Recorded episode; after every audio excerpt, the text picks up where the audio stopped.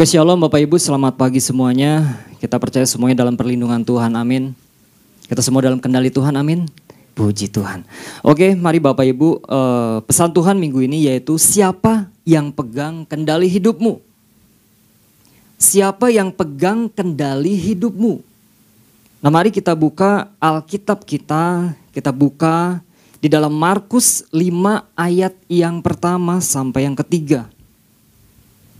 Markus 5 ayat yang pertama sampai yang ketiga demikian firman Tuhan. Lalu sampailah mereka, nah mereka di sini kan Yesus dan murid-muridnya di seberang danau di daerah orang Gerasa. Ayat yang kedua, Baru saja Yesus turun dari perahu, datanglah seorang yang kerasukan roh jahat dari pekuburan menemui dia. Ayat yang ketiga, orang itu diam di sana dan tidak ada seorang pun lagi yang sanggup mengikatnya, sekalipun dengan rantai.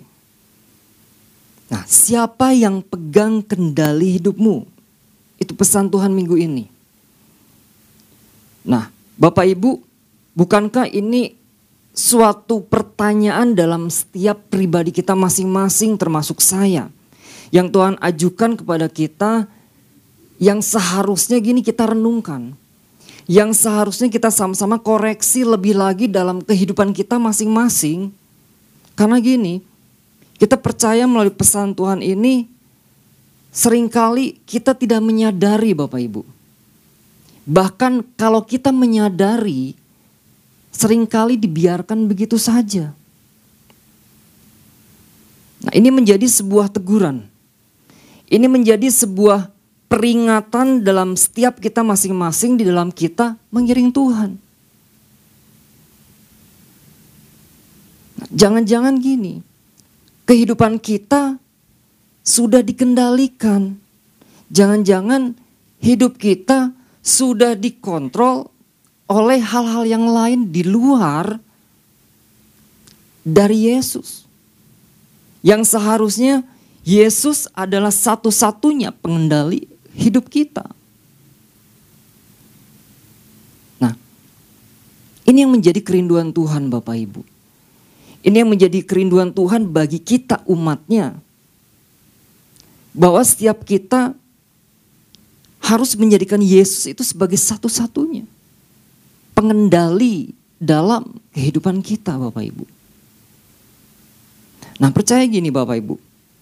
Kita kita menjadikan Yesus satu-satunya pengendali kehidupan kita.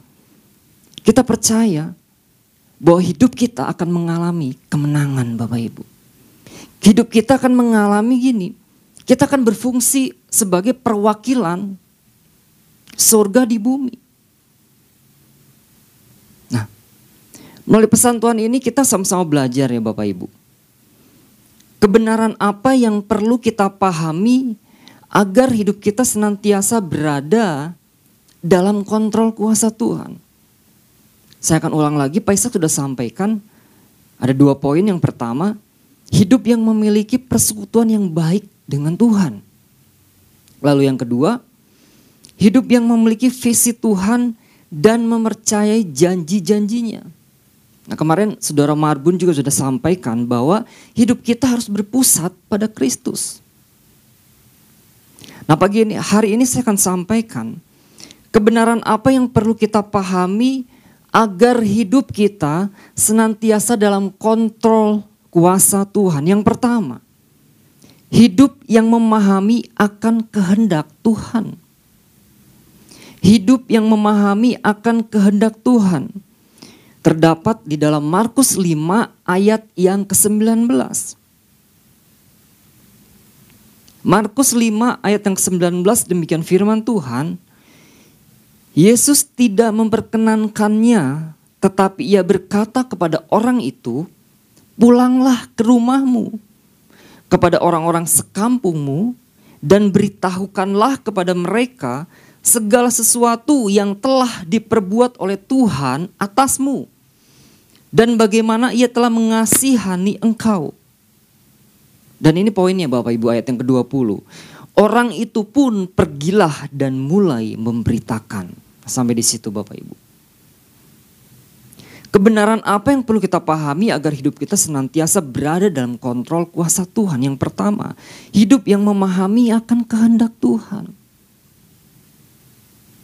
Nah, Yesus tidak memperbolehkan dia ikut.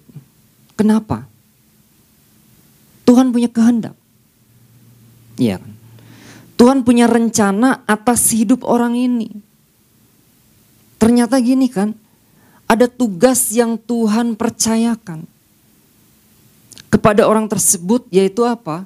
Agar dia memberitakan memberitakan suatu kabar baik. Memberitakan kabar baik tentang belas kasihan Tuhan atas hidupnya. Lalu apa?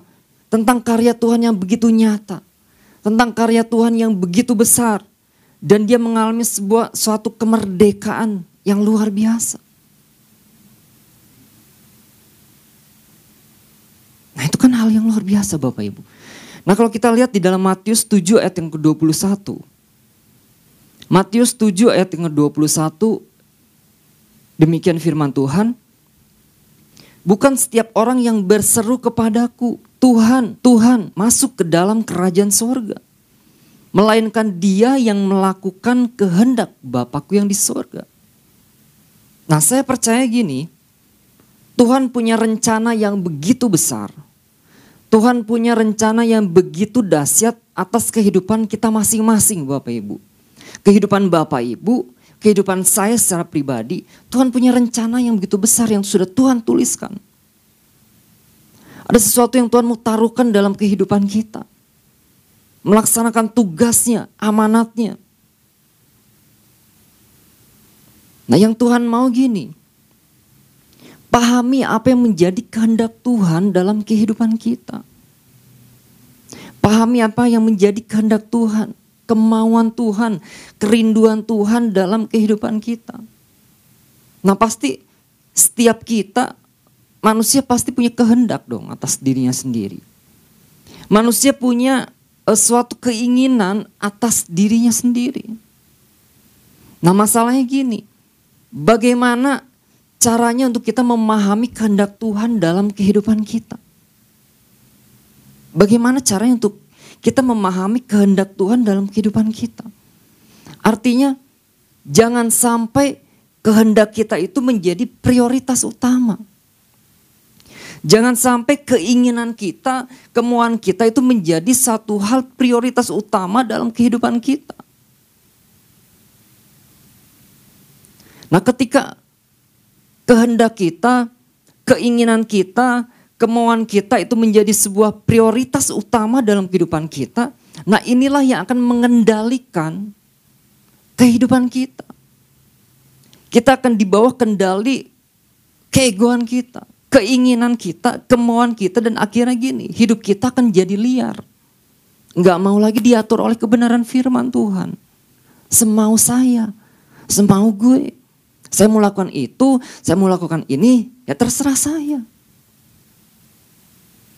Jadi ada satu kehidupan yang liar dalam kehidupan.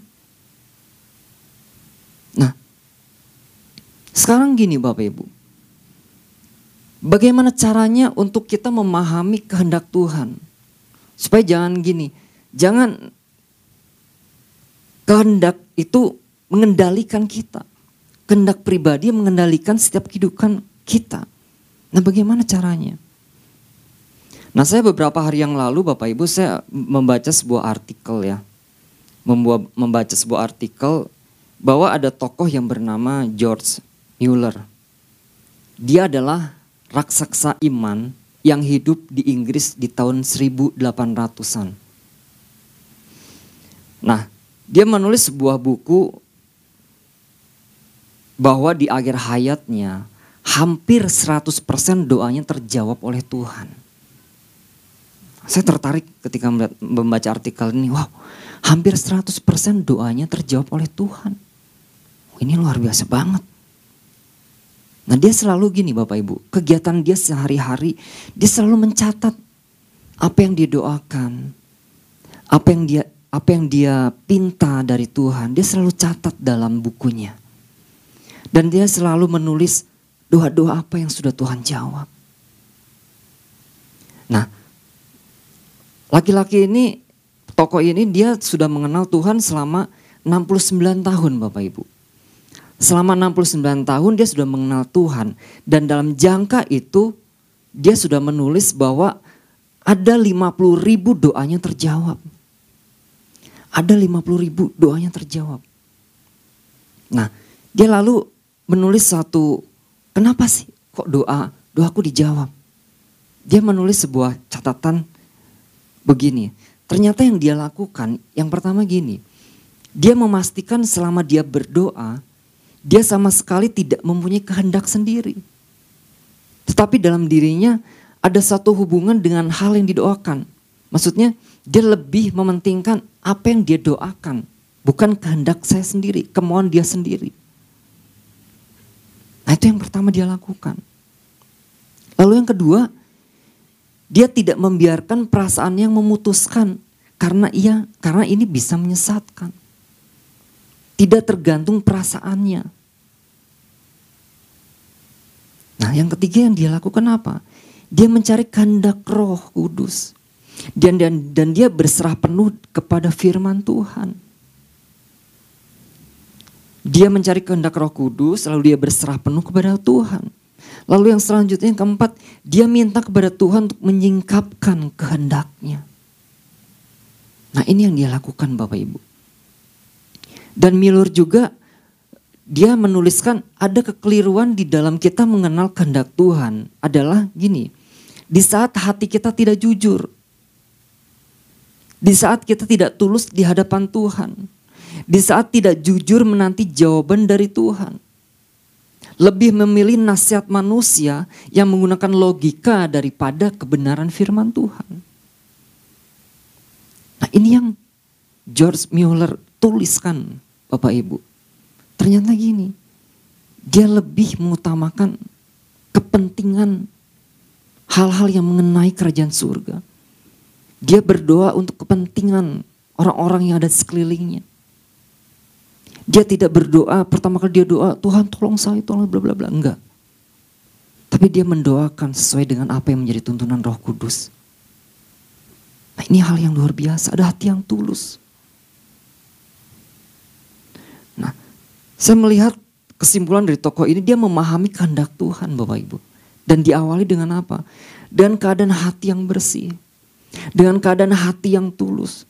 Dan tidak bertentangan dengan kebenaran firman Tuhan. Yang kedua apa? Kesukaannya ada firman Tuhan. Ketika saya membaca artikel ini, wow. Ini menjadi berkat bagi saya. Kenapa kita sering kali tidak memahami kehendak Tuhan dalam hidup kita? Karena kita sering dibutakan. Karena kita sering dikendalikan dan dikuasai oleh kehendak kita sendiri. Nah di dalam Roma 12 Bapak Ibu ayat yang kedua. Di sana dikatakan Janganlah kamu menjadi serupa dengan dunia ini. Tetapi berubahlah oleh pembaharuan budimu. Sehingga kamu dapat membedakan mana kehendak Allah. Apa yang baik, yang berkenan kepada Allah yang sempurna. Nah sangat mudah Bapak Ibu melewati hari-hari ini. Zaman ini sangat mudah untuk seseorang belok dari kehendak Tuhan dari kemauan Tuhan. Orang lebih berpikir dengan apa keinginannya sendiri untuk mencapai apa kehidupan yang lebih baik. Nah, Bapak Ibu, kalau kita buka di dalam Kisah Para Rasul 8 ayat yang ke-26 ya. Kisah Para Rasul 8 ayat yang ke-26. Di sana dikatakan, kemudian berkatalah seorang malaikat kepada Filipus. Katanya, bangunlah dan berangkatlah ke sebelah selatan menurut jalan yang turun dari Yerusalem ke Gaza. Jalan itu jalan yang sunyi. Kalau kita lihat tokoh Filipus di sini ya. Suatu ketika kan melalui seorang malaikatnya Tuhan menyuruh Filipus untuk pergi ke sebuah jalan, ya kan? Dari Yerusalem menuju Gaza, sebuah jalan yang sunyi. Nah, kalau kita lihat Walaupun saat itu perintah Tuhan sepertinya gini, sepertinya tidak spesifik bagi Filipus. Tetapi yang Filipus lakukan apa? Dia tetap mentaati apa yang menjadi kehendak Tuhan, apa yang menjadi rencana Tuhan. Filipus pergi ke jalan tersebut tanpa banyak bertanya. Dia pergi. Dan ketika Filipus tiba di tempat itu, Tuhan perintahkan dia, ternyata kan ada seorang ada seorang sida-sida Ethiopia yang baru saja pulang beribadah. Nah lalu dari Yerusalem sedang lewat dengan keretanya di jalan tersebut. Lalu Roh Kudus memerintahkan kepada Filipus untuk apa? Untuk mendekati kereta sida-sida tersebut. Nah, tanpa memberitahukan selanjutnya. Apa yang harus diperbuat Filipus? Apa yang harus dilakukan Filipus? Tetapi kita lihat lagi, Filipus taat. Filipus lakukan apa yang menjadi kehendak Tuhan. Walaupun dia tidak tahu apa yang harus dia lakukan. Dia taat, dilakukan. Dan kita lihat Bapak Ibu, dari ketaatan Filipus tentang apa yang menjadi kehendak Tuhan. Dia taat, dia lakukan. Ternyata gini, ini membuahkan hasil yang luar biasa. Ternyata Tuhan sudah mempersiapkan suatu jalan, suatu jalan pertobatan sida-sida itu. Melalui apa? Filipus. Wow. Ini kan hal yang luar biasa. Sebenarnya ada rencana Tuhan yang begitu indah. Ada rencana Tuhan yang begitu luar biasa. Ada kehendak Tuhan yang luar biasa dalam setiap pribadi kita masing-masing. Nah masalahnya gini, apakah kita mau mengikuti apa yang menjadi kehendak Tuhan? Atau kita lebih mengikuti keinginan diri kita sendiri, keegoan kita sendiri, kemauan kita sendiri. Nah, jangan sampai gini. Keegoan kita, kemauan kita, keinginan kita itu mengendalikan setiap kehidupan kita. Tapi kita sama-sama belajar Bapak Ibu pagi hari ini. Kita sama-sama belajar untuk kita mengikuti kehendak Tuhan. Yang walaupun itu kita tidak tahu. Kita tidak mengerti apa menjadi Tuhan uh, Tuhan dalam kehidupan kita, tapi kita mau belajar taat. Kita lakukan, kita taat dan kita percaya di suatu ujungnya nanti akan akan menjadi suatu ada suatu buah, ada suatu hasil yang akan kita terima Bapak Ibu. Nah, yang kedua, kebenaran apa yang perlu kita pahami agar hidup kita senantiasa berada dalam kontrol kuasa Tuhan. Nah, yang kedua gini, hidup yang berserah penuh pada tuntunan Tuhan. Hidup yang berserah penuh pada tuntunan Tuhan. Ini ayatnya masih sama Bapak Ibu. Saya tidak akan bacakan. Markus 5 ayat 19 dan ayat yang ke-20. Hidup yang berserah penuh pada tuntunan Tuhan. Kan ada lagu mengatakan tiap langkahku diatur oleh Tuhan dan tangan kasihnya memimpinku. Nah artinya gini, Tuhan yang pegang kendali atas hidup kita, amin. Tuhan yang pegang kendali atas seluruh kehidupan kita. Seperti seorang gembala gini menuntun domba-dombanya. Demikian juga hidup kita di tangannya. Tuhan memimpin, Tuhan memegang, Tuhan memimpin setiap kehidupan kita masing-masing. Dan gini, Tuhan membawa kita ke padang yang berumput hijau dan ke air yang tenang. Ini yang Tuhan rindukan Bapak Ibu. Membawa setiap kita. Nah saya percaya yang tadi saya katakan Tuhan punya rencana atas setiap kehidupan kita. Dan setiap kita gini, kita juga punya rencana. Pasti enggak? Iya kan? Kita punya rencana, kita punya planning dalam kehidupan kita. Bahkan gini, kita punya goal yang harus dicapai dalam kehidupan kita. Saya harus mencapai goal. Saya harus mencapai target dalam kehidupan saya. Mungkin bulan ini, tahun ini, mungkin hari ini, mungkin besok. Cuman yang harus menjadi catatan bagi kita, bagi saya semua, bagi kita semua, Jangan sampai rencana itu mengendalikan kembali lagi. Jangan sampai rencana itu, planning itu, hal yang sudah buat kita buat dalam kehidupan kita. Jangan sampai itu mengendalikan kehidupan kita. Lalu kita berkata, lalu kita berkata gini, loh ini kan rencana saya. Ini kan hasil dari pemikiran saya. Bahwa saya harus mencapai goal. Bahwa saya harus mencapai tujuan yang sudah saya pikirkan, yang saya sudah rencanakan. Nah pertanyaan gini, Apakah yang sudah kita rencanakan ini, apakah sudah sesuai dengan tuntunan Tuhan atau belum? Yang notabene gini, kita berusaha mati-matian sesuai dengan apa yang kita pikirkan, tetapi ujung-ujungnya tidak sesuai dengan tuntunan Tuhan. Kita keluar dari tuntunan Tuhan. Nah Mazmur 23 ayat 3 dikatakan apa? Mazmur 23 ayat yang ketiga dikatakan ia menyegarkan jiwaku, ia menuntun aku di jalan yang benar oleh namanya. Dia yang menuntun setiap kehidupan kita. Bukan pemikiran kita, bukan pendapat kita,